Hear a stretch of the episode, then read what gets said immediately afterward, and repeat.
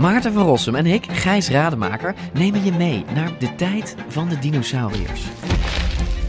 Ja, jij vindt het gemene beesten Het gewoon eigenlijk. gemene beesten. Ja, Kijk, kijk naar ze. Beesten zijn niet gemeen. We zijn het eigenlijk nooit eens. Maar T-Rex is toch veel sexier. Nee, ik vind de kakkelak net zo sexy als T-Rex. Ja, ik zie dat je daar moeite mee hebt. Voor iedereen die vroeger al van dino's hield en nu nog steeds een beetje, luister naar DinoCast.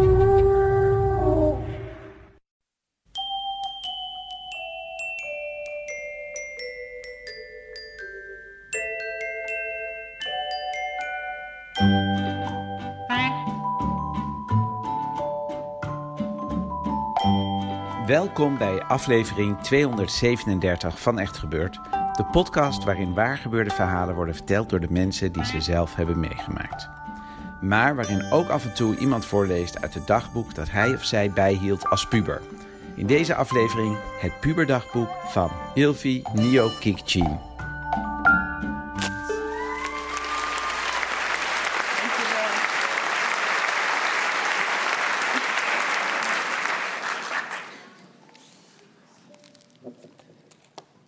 De HAVO af had, ging ik als uitwisselingsstudent een jaar naar Amerika. En ik hoopte heel erg dat ik in New York zou belanden. Maar ik belandde in Sturgis, South Dakota, in the middle of nowhere, op een ranch op de prairie. Waar de afstanden zo groot waren dat het gastgezin waar ik bij woonde een eigen landingsbaan had met een vliegtuigje en duizenden koeien. Ik was 16 jaar. 28 juli 2001.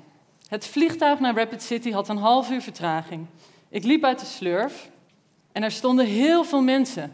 Maar je weet gewoon niet welke voor jou zijn. Totdat Chris mijn naam riep. Van haar kreeg ik een puppyknuffel. Toen zijn we in de auto gaan zitten. By the way, een hele mooie. We zijn wat gaan eten in Rapid City. In een eetcafeetje, net zo een als in Uptown Girl van Westlife. Daarna naar het huis. En het is echt perfect. Net een supergroot poppenhuis. Echt mega. En mijn kamer is zo gaaf. Mijn gastbroer Dustin en mijn gastvader Rick moesten aan het werk op het land. En al het land in de omgeving is van hen. En dat is echt heel veel. Rick is trouwens heel erg knap. En echt heel erg aardig. Hij is, hij is piloot en dus ook nog rancher. Hij lacht om elk grapje dat je maakt, zelfs als er geen kloot aan is. Op het vliegveld kreeg ik een hand en ik dacht, wie is die cowboy? Mijn gastmoeder heet Chris. Ze heeft blond gepermanenteerd haar, helemaal opgefeund en ernstig veel make-up, maar heel lief. Dustin, mijn gastbroertje, is 16 jaar. Hij is niet erg knap. En op het vliegveld kreeg ik een hand. Hij lijkt me een beetje verlegen. Shannon is 10 en is echt zo'n Amerikaans meisje. Blond en heel lief. Ze lijkt heel erg op Chris. Nou, dit is dus de familie. En ik ken ze nu nog niet zo heel erg goed, maar dat komt denk ik nog wel. Volgens mij komen er hele leuke tijden aan en had ik geen betere familie kunnen krijgen. Dan is het 12 augustus.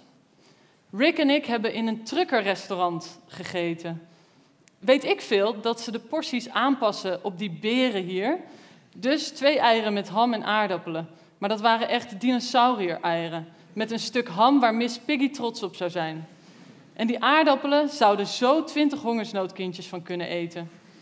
Oh ja, en die medium diet coke, dat zou in Nederland echt de XXXXXL diet coke zijn. Maar ik giet het er met een beetje proppen binnen 30 minuten naar binnen. Maar ik heb het idee dat ik echt dikker word. Eén dag later, 13 augustus. Vanochtend uit mijn stretchbroek gescheurd. Het is altijd de enige broek waar ik gewoon zonder wringen nog in kom. En nu scheur ik eruit. Ik weeg nu 145 pounds. Maar ik weet niet hoeveel dat in kilo is.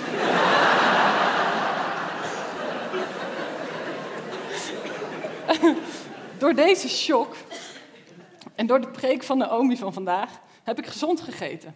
Chris ging boodschappen doen en ik heb haar na heel lang wikken en wegen, ze kan het opvatten als belediging voor haar kookkunst, gevraagd of ze wat groente en fruit wilde meenemen. Please. En ze kwam terug met appels, bananen, meloen, wortels, een gewone krop sla en een zak gemixte sla. Perfect. 27 augustus. Ik ben vanavond met Rick naar Mount Rushmore gevlogen. Dat was echt zo mooi. En toen met de auto teruggereden. En Rick zag een ratelslang op de weg. Dus ik dacht, cool. Dus ik zeg ook, cool. Meteen auto in zijn achteruit. Gestopt voor de ratelslang en uitgestapt en hem bewonderd. Toen de auto weer in. En een stukje in zijn achteruit.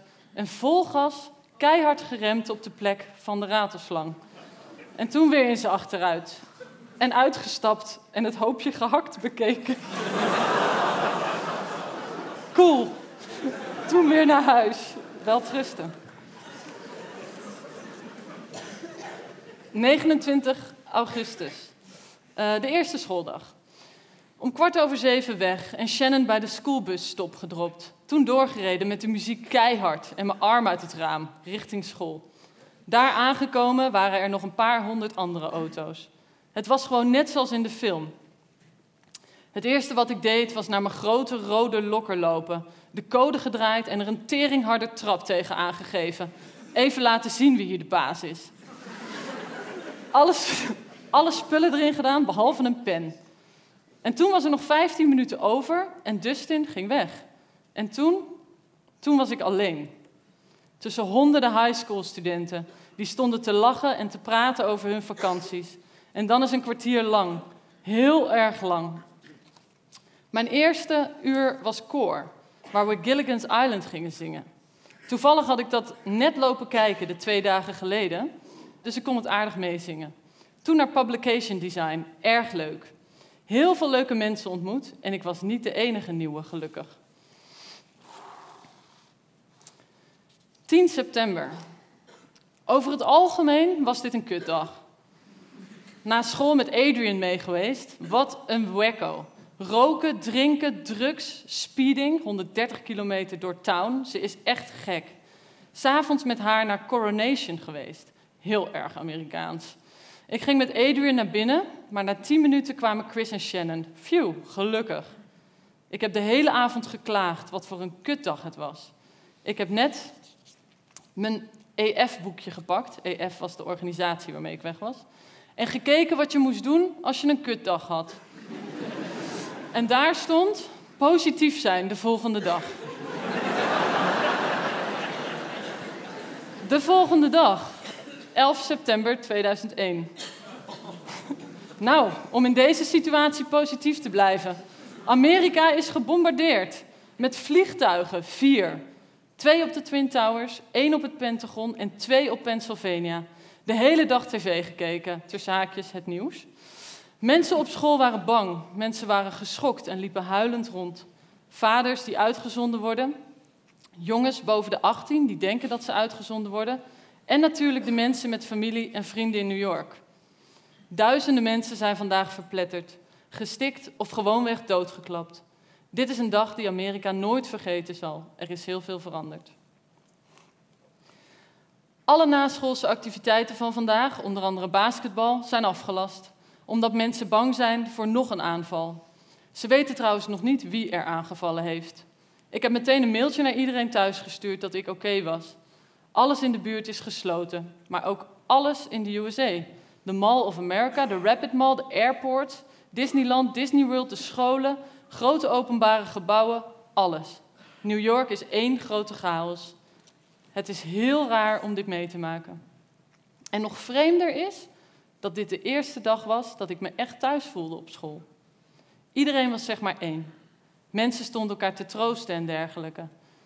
De hele dag tv gekeken op school. Het gebeurde namelijk om kwart voor zeven en wij kwamen er op school pas om half negen, half achter omdat iemand schreeuwde dat de derde wereldoorlog was uitgebroken. Maar zoals ik zei, qua schooldag, maar zoals ik zei, qua schooldag was het een mooie dag. Het was Hawaii-dag en ik had een roze jurk aan. 28 september 2001. 17 jaar, eindelijk. Hoe oud ben je? 17. Wauw, dat klinkt goed. Wacht maar tot ik 47 ben, dan bid ik elke dag dat ik weer 16 was. Vandaag had ik verwacht als één grote dag met heel veel heimwee, maar op het moment dat ik de school instapte, veranderde dat. Mary Hagger kwam aanlopen.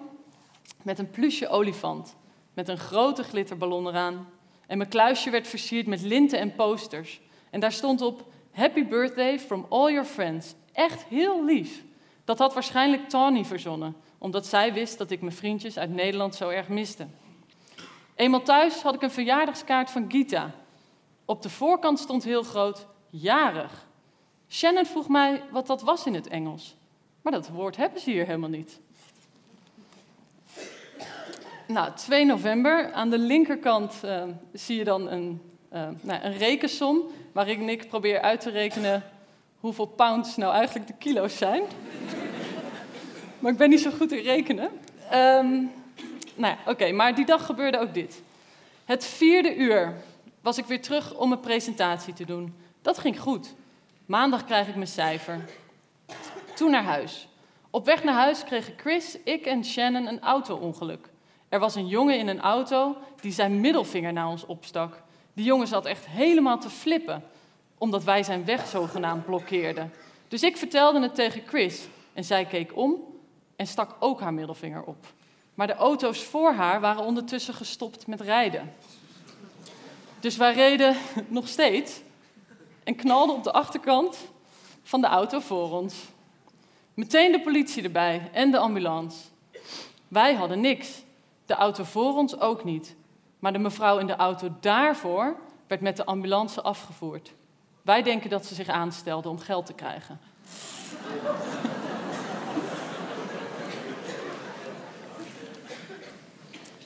nou, dan is er een kleine sprong in de tijd naar 24 december, kerstavond. Sonja en ik kregen ruzie over verdedigen. Een land verdedigt zichzelf in tijd van oorlog. En aan de ene kant, ja, helemaal totaal gelijk. Maar ja, zo blijft het maar doorgaan. En waarom krijgt de USA altijd alle shit? Omdat ze met al haar mensen met het hoofd omhoog blijft lopen. Trots op de USA. Nou ja, en natuurlijk ben je trots op je eigen land. Maar ze vinden zichzelf de mooiste, de sterkste, alles. En niemand hier weet hoe het eraan toe gaat buiten de grenzen van de One Nation Under God. Zo ben ik zelf ook trots. Trots op Nederland. Nederland met zijn open perspectieven. Nederland met zijn havens, natuur, mensen en eten, vrijheid en democratie. Maar, Nederland is niet het beste van de wereld. Elk land doet wel iets fout. Vervuiling, te veel huizenbouw, dierproeven, noem maar op. De reden dat ik weet dat Nederland niet het beste is, is omdat ik in meer landen ben geweest. België.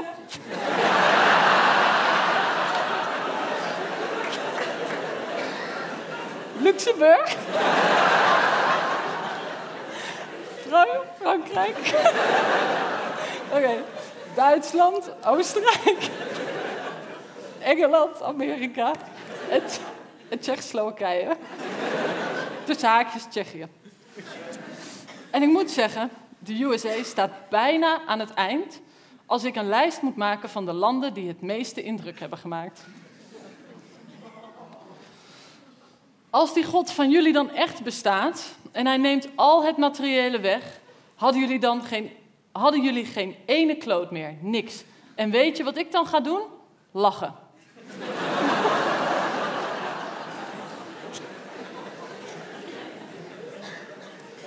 En natuurlijk is die Osama slecht. Maar weet je, die man is niet alleen een lunatic. Hij was waarschijnlijk net zo boos als ik nu ben. Wat,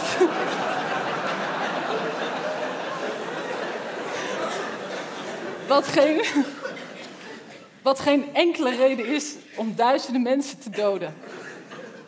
Maar ergens in mij kan ik goed, heel goed begrijpen waarom hij dit gedaan heeft.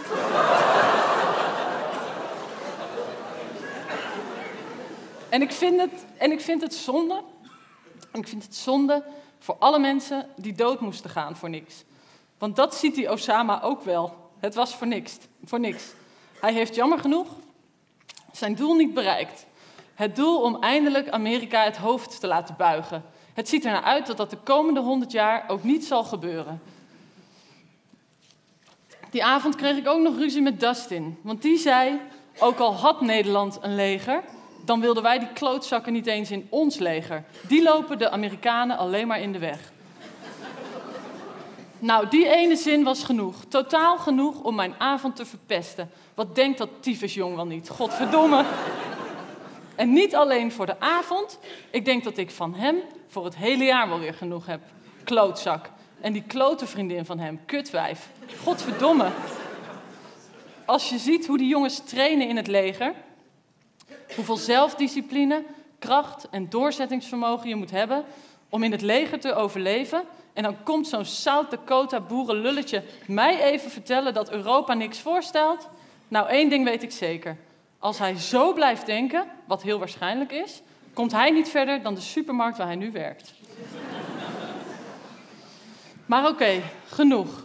EF, die organisatie, vertelde me al dat je in het midden van het jaar zo'n gevoel hebt van hier is alles kut en in mijn eigen land is alles beter. Maar dat gevoel heb ik niet exact helemaal. Zo denk ik niet dat alles in Nederland beter is en ook niet dat alles hier fout is. Eén ding weet ik wel en hoop ik wel. Ooit, ooit gaat de USA totaal ten onder.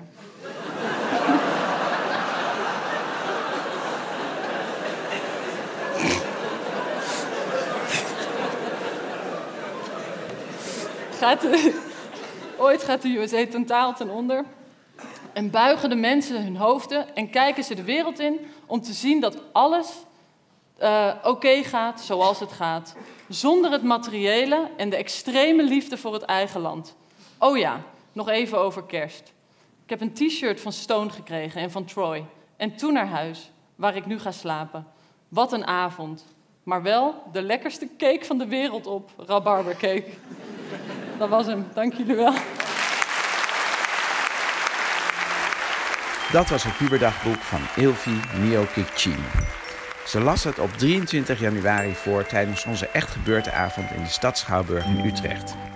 Ilvi is fotojournalist.